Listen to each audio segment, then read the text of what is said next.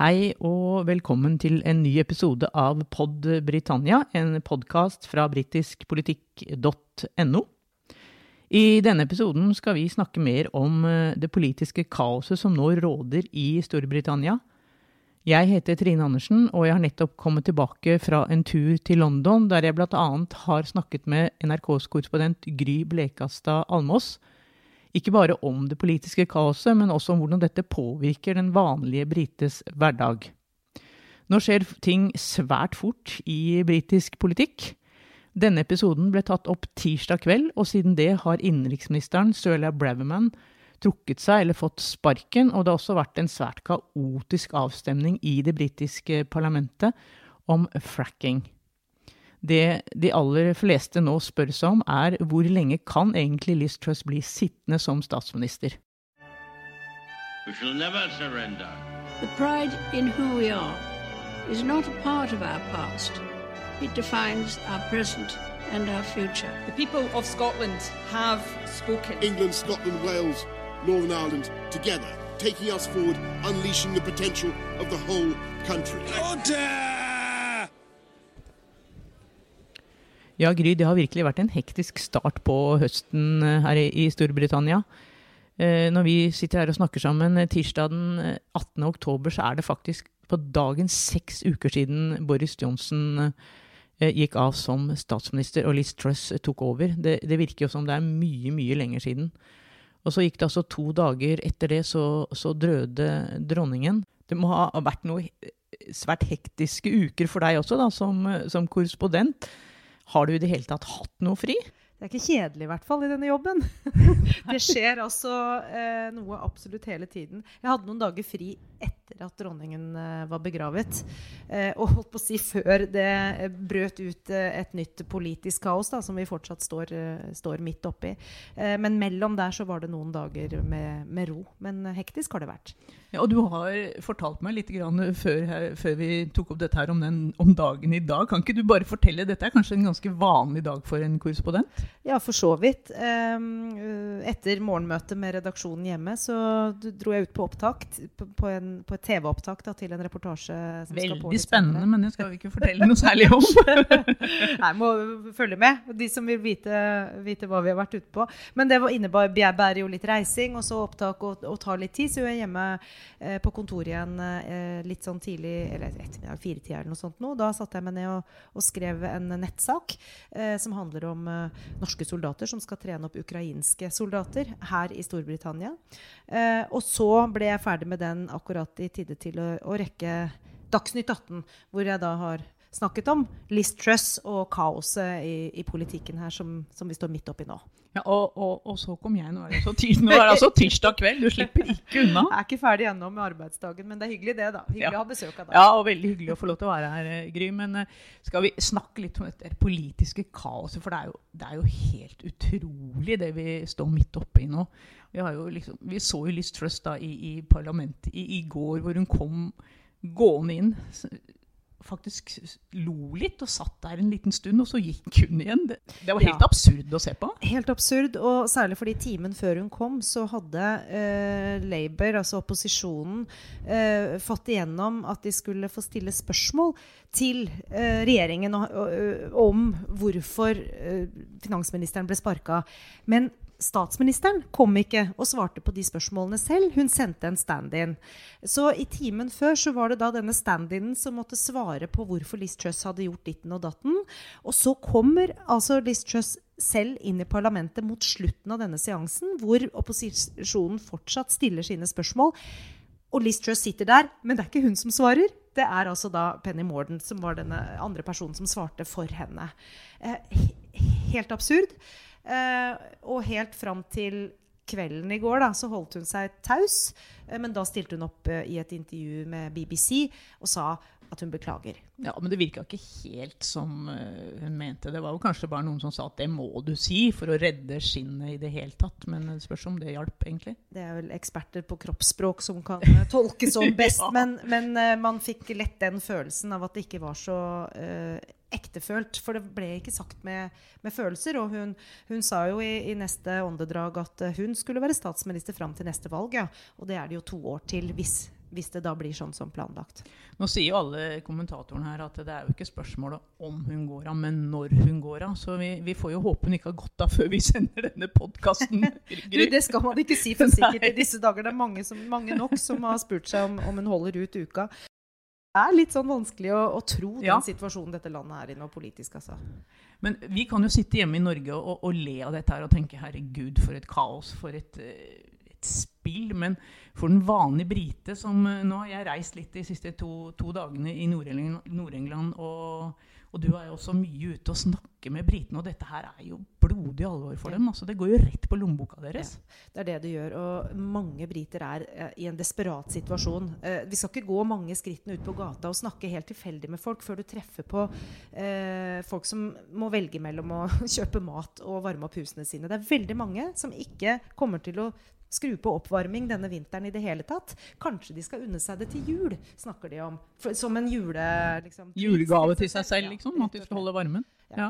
Fordi eh, pengene strekker ikke til. Inflasjonen er så høy, prisene skyter i været, men eh, lønna deres gjør jo ikke det. Holder ikke følge i det hele tatt. Og i dette landet med de store eh, forskjellene som det er her, så er det veldig mange som lever uten en buffer. De har ingen buffer til at prisene skal stige.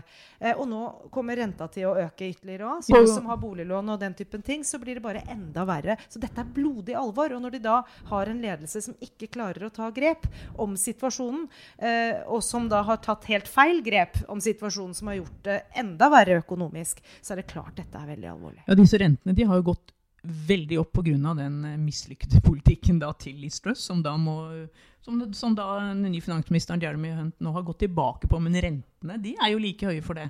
Skaden har på en måte allerede skjedd, og de grepene som da den nye finansministeren Jeremy Hunt tok, eh, eh, har hjulpet litt på uh, finansmarkedene, men det har ikke roa situasjonen 100% altså Vi er ikke helt tilbake der hvor det var før dette minibudsjettet med skattelettelsene ble lagt fram, det som forårsaka mye av den økonomiske uroen.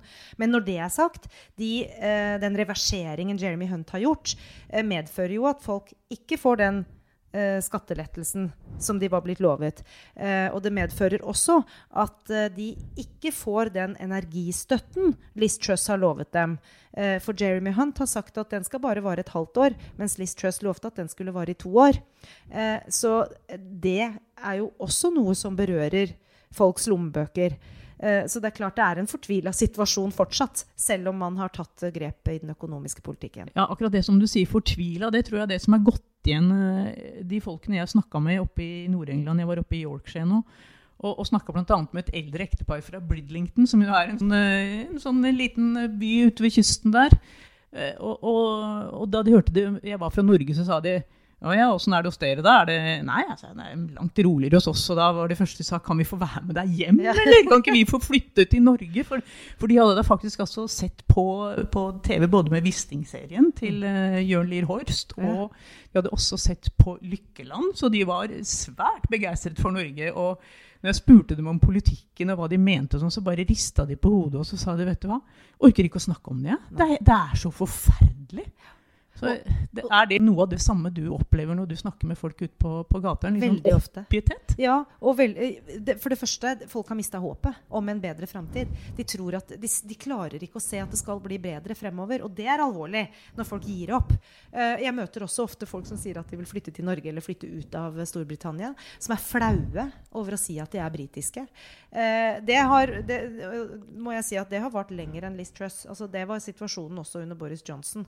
Eh, Men det er klart at når du nå får den kostnadskrisa som bare øker og øker og øker, og dette politiske kaoset som handler om politiske feilgrep, rett og slett, eh, så, så, så forsterkes jo bare hele den eh, situasjonen der. Ja, du kan, du kan jo lure på hva dette gjør med politikerforakten, som jo er ganske stor eh, i utgangspunktet, som du sier, med alt det tullet som var under Boris Johnson, for det må vi kunne få lov til å kalle det. Boris Johnson var jo kjempegod til én ting. Det var jo nemlig å tiltrekke seg velgere. Han var god til det. Veldig, veldig god i kampanje. Og jeg reiste opp til en av de valgkretsene som stemte eh, konservativt for aller første gang da ved forrige valg, med Boris Johnson da i, i, i spissen. Eh, og som alltid har vært Labour-bastion før det. Eh, dro jeg opp dit nå nylig og, og spurte dem nå om de ville stemme konservativt igjen. Og det var det mange som sa at de ikke ville. Men de ville heller ikke stemme på Labour. Eh, for de føler ikke at Keir Starmer, som er Labours leder nå, er deres mann. Eh, de opplever at han tilhører en sånn London-elite, er for langt unna deres virkelighet og hverdag, rett og slett. Eh, så de vil heller la være å stemme. Og det er klart at når folk blir så oppgitt over den politiske situasjonen at de ikke vil bruke stemmeretten sin, så er det illevarslende for eh, demokratiet Ja, og det er jo veldig alvorlig for demokratiet. Det blir jo veldig spennende. Så jeg har møtt også folk oppe i, oppe i Yorkshire som sa akkurat det samme som det du sier nå om, eh, om Keir Starmer. At han, han var så fjern for dem. At eh, han er, som, som du sier, han var bare en del av London-eliten. Så, så de hadde ikke noe tro på han heller. De hadde liksom ikke tro på noen, og det er jo det som er så fortvila. Men det var interessant da jeg var på Labours landsmøte nylig. Eh, der var jeg også i fjor. I fjor var det partiet svært splitta mellom eh, de gamle Jeremy Corbyn-tilhengerne eh, og eh, Keir Starmers tilhengere. Veldig splitta. Åpen splittelse i partiet. I år sto eh, det partiet samla. Eh, selv om man vet jo at det er ulike retninger der, så sto de samla bak Chris Starmer som leder. Og det var en eh, selvtillit i det partiet påfallende annerledes enn året før. Det er bare gått ett år. Eh, men det var en helt annen stemning i, i Labour-partiet. Eh, så, men eh, hvor lenge det varer, og hva som skjer hvis eh, Keir Starmer blir statsminister, det, det, jeg, det, dette landet kan politisk kaos, eh, er mitt inntrykk. De er veldig gode på det. Det har de, jo, det har de jo bevist. Men det kan jo hende at denne litt sånn euforiske stemningen på Labours landsmøte hadde vel også å si med, med meningsmålingene som allerede da gikk deres vei. Åpenbart. Voldsomt. Ikke sant? Så de tjener jo på kaoset i det konservative partiet. Eh, og hvor lenge det vil vare hvis de kommer til makten, det, jeg er ikke overbevist om at de kommer til å eh, beholde en så stor ledelse over veldig lang tid. Eh, men det er klart at de har det nå når det er så kaotisk som det er i Ja, da, og, én en ting er meningsmålinger, noe annet er jo at folk egentlig går og stemmer. Eller, eller som du sier, om de går og stemmer. Nå er det ikke noe valg, skal det ikke være noe valg før i 2024, sånn e Ja, vi får se, da. egentlig. Men det kan vel komme mye før, er det mange som tror, i hvert fall. Ja, og det er jo noe med det hvis uh, det konservative partiet nå bytter ut enda en statsminister uten at velgerne får sagt sitt. Hvor mange har vi hatt nå? Skal vi ta, skal vi ta en opptelling? Ja, du, Det har jo vært fire statsministre på seks år, og tre av dem har jo bare vært de tre siste årene. Da har vi Så- altså, etter Cameron så kom Theresa Theresa May. May, og så Boris Johnson, og Liz Truss, og så kommer sikkert en ny ganske fort. Og alle disse tre kom utenom valg. Nå vant riktignok Boris Johnson et valg, men det var etter etter at han hadde 2019, tiltrådt som Ja. statsminister. Ja. Så um, det er, vi må tilbake til David Cameron før man finner en konservativ statsminister som ble valgt I, ved to, valg. I 2015. Ja, I 2010. Ja, han også i I 2015. 2015. Han ble Ja gjenvalgt i Ja. 2015. Ja. Han fikk jo faktisk majoritet, han. Han fikk et voldsomt majoritet. han er Overraskende stort. Ja, det gjorde han. Så han var den siste da, som ble, ble valgt på den måten, og det er altså sju år siden. Mm. Og nå er det altså 80 000 partimedlemmer som har valgt Liz Truss. Men de, det, eh, litt mer enn det. Eh, altså, jo, det er 80 000 som stemte på henne. ja, ja, men, eh, men de kan jo egentlig skylde litt på seg selv, fordi de valgte jo Liz Truss med åpne øyne. Det var jo, hun gikk jo til valg på akkurat det hun prøvde å utføre. Og det er jo det paradoksale her. Liz Truss har eh, egentlig bare prøvd å levere akkurat den politikken hun lovte at hun skulle levere under denne lange eh, og til dels bitre valgkampen i sommer. Eh, men eh, det har hun da åpenbart ikke kunnet innfri pga. at markedene reagerte som de gjorde. Og det hadde hun da ikke kalk kalkulert med. Det er forskjell på å drive valgkamp eh, og å drive ansvarlig politikk. Eh, og så er, hun ble, altså Medlemmene av det konservative partiet eh, ble jo advart. Eh, Blant annet av rivalen Rishi Sunak, som, som sa det. Jeg kan ikke drive en sånn økonomisk politikk som Liz Truss her lover at hun skal gjøre, for det er ikke ansvarlig. Så, så de ble advart, men de stemte henne likevel fram som statsminister. Så partiet eh, har gjort dette med åpne øyne på et vis. Ja da, Men det gikk jo veldig fort, da. Du kan jo se Hun var veldig utålmodig etter liksom å innføre alt på en gang. Det gikk veldig fort. Ja, det gjorde jo det. To, to, to, disse to ukene med, med landesorg etter dronningens død, så gikk det vel bare en fire-fem dager før hun la fram dette, eller før ja, hennes finansminister Kwasi Kwarteng Kwa, hva- Kvasi Kvarteng, riktig. Ja, det er vanskelig navn, dette her. Før han la fram sitt såkalte minibudsjett, som ikke var noe minibudsjett i det hele tatt. Det var Nei, det var masse skatteletter. Eh, og så inkluderte det også denne energistøtten, men altså store utgifter. Eh, og så store hull i inntekts- eller finansieringen da, av dette her. Eh, hovedsaken var at det skulle finansieres eh, med lånte penger. Eh, og det var jo det eh, finansmarkedene responderte veldig, veldig dårlig på. da. Men ser vi noen utvei, altså ser vi noen vei ut av dette forum for britene, da? Jeg mener det, det er Ut av økonomien eller politikken? Ja, jeg på å ja, vi kan godt si begge deler. Vi, egentlig, men jeg tenkte For den vanlige brite så, så er det vel akkurat økonomien som er det viktigste. Altså Det det er en viss enighet om, er jo at målet eh, med Liz Truss sine grep eh, er bra, nemlig å, å skape vekst i den britiske økonomien. Uh, og gi vekstvilkår. Uh, Og få ned inflasjonen. det er jo Ja. det man Ikke sant? Ja. Mm. Uh, så, men hvordan hvordan gjør man det? Nå står britene overfor med denne nye mm, finansministeren Jeremy Hunt eh, for store kutt i offentlige utgifter. Han går nå gjennom hvert eneste departement og sier at de må kutte i sine utgifter. Eh, og så er spørsmålet eh, hvor mye de klarer å kutte ned uten at det går utover tjenestene til befolkningen. Eh, for som vi har vært inne på, eh, dette er en hardt prøvet befolkning. I hvert fall en del av den. Eh, Det er, det er klart det er jo store forskjeller. De rike har, er veldig rike og klarer seg fint.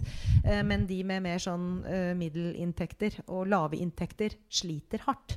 Eh, og hvis de i tillegg da mister eh, offentlige tjenester, eh, som kan være alt fra eh, legen sin eller, eller helsevesenet til eh, transport til eh, you name it, ikke sant? Det, eh, så, så blir, blir det hardt å være brite. Mm, det er det ingen tvil om. Men skal jeg minne helt til slutt her om hva slags regler som egentlig gjelder for, å, for å, mulighetene for å få kastet Og hun er jo egentlig, etter de reglene som finnes i Det konservative partiet, nå freda i ett år. Men det har vi jo sett før, at uh, der kan det skje noe. Og samtalene har eh, begynt på bakrom og møterom eh, i parlamentet om å endre de reglene. Rett og slett fordi man vil jo mange da, i hvert fall, ønsker å bli kvitt henne før det har gått et uh, år. Og disse brevene som uh, må skrives uh, i parlamentet og med krav om hennes avgang, altså fra partifellene i det konservative partiet, har begynt å komme. Ehm, så har vi sett at det kan være måter å omgå disse reglene på. Det har vi sett før. Og, og hun kan jo også gå av etter en slags fri vilje.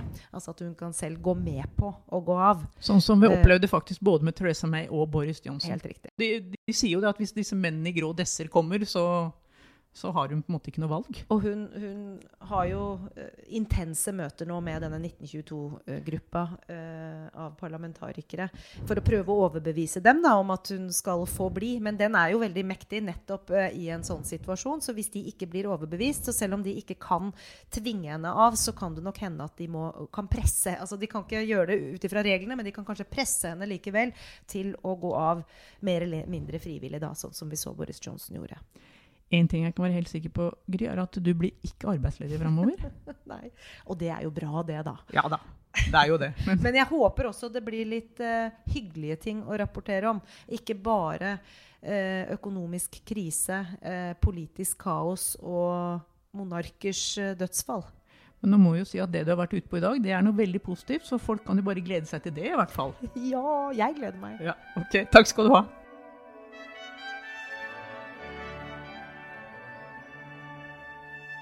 We shall never surrender. The pride in who we are is not a part of our past. It defines our present and our future. The people of Scotland have spoken. England, Scotland, Wales, Northern Ireland, together, taking us forward, unleashing the potential of the whole country. Order!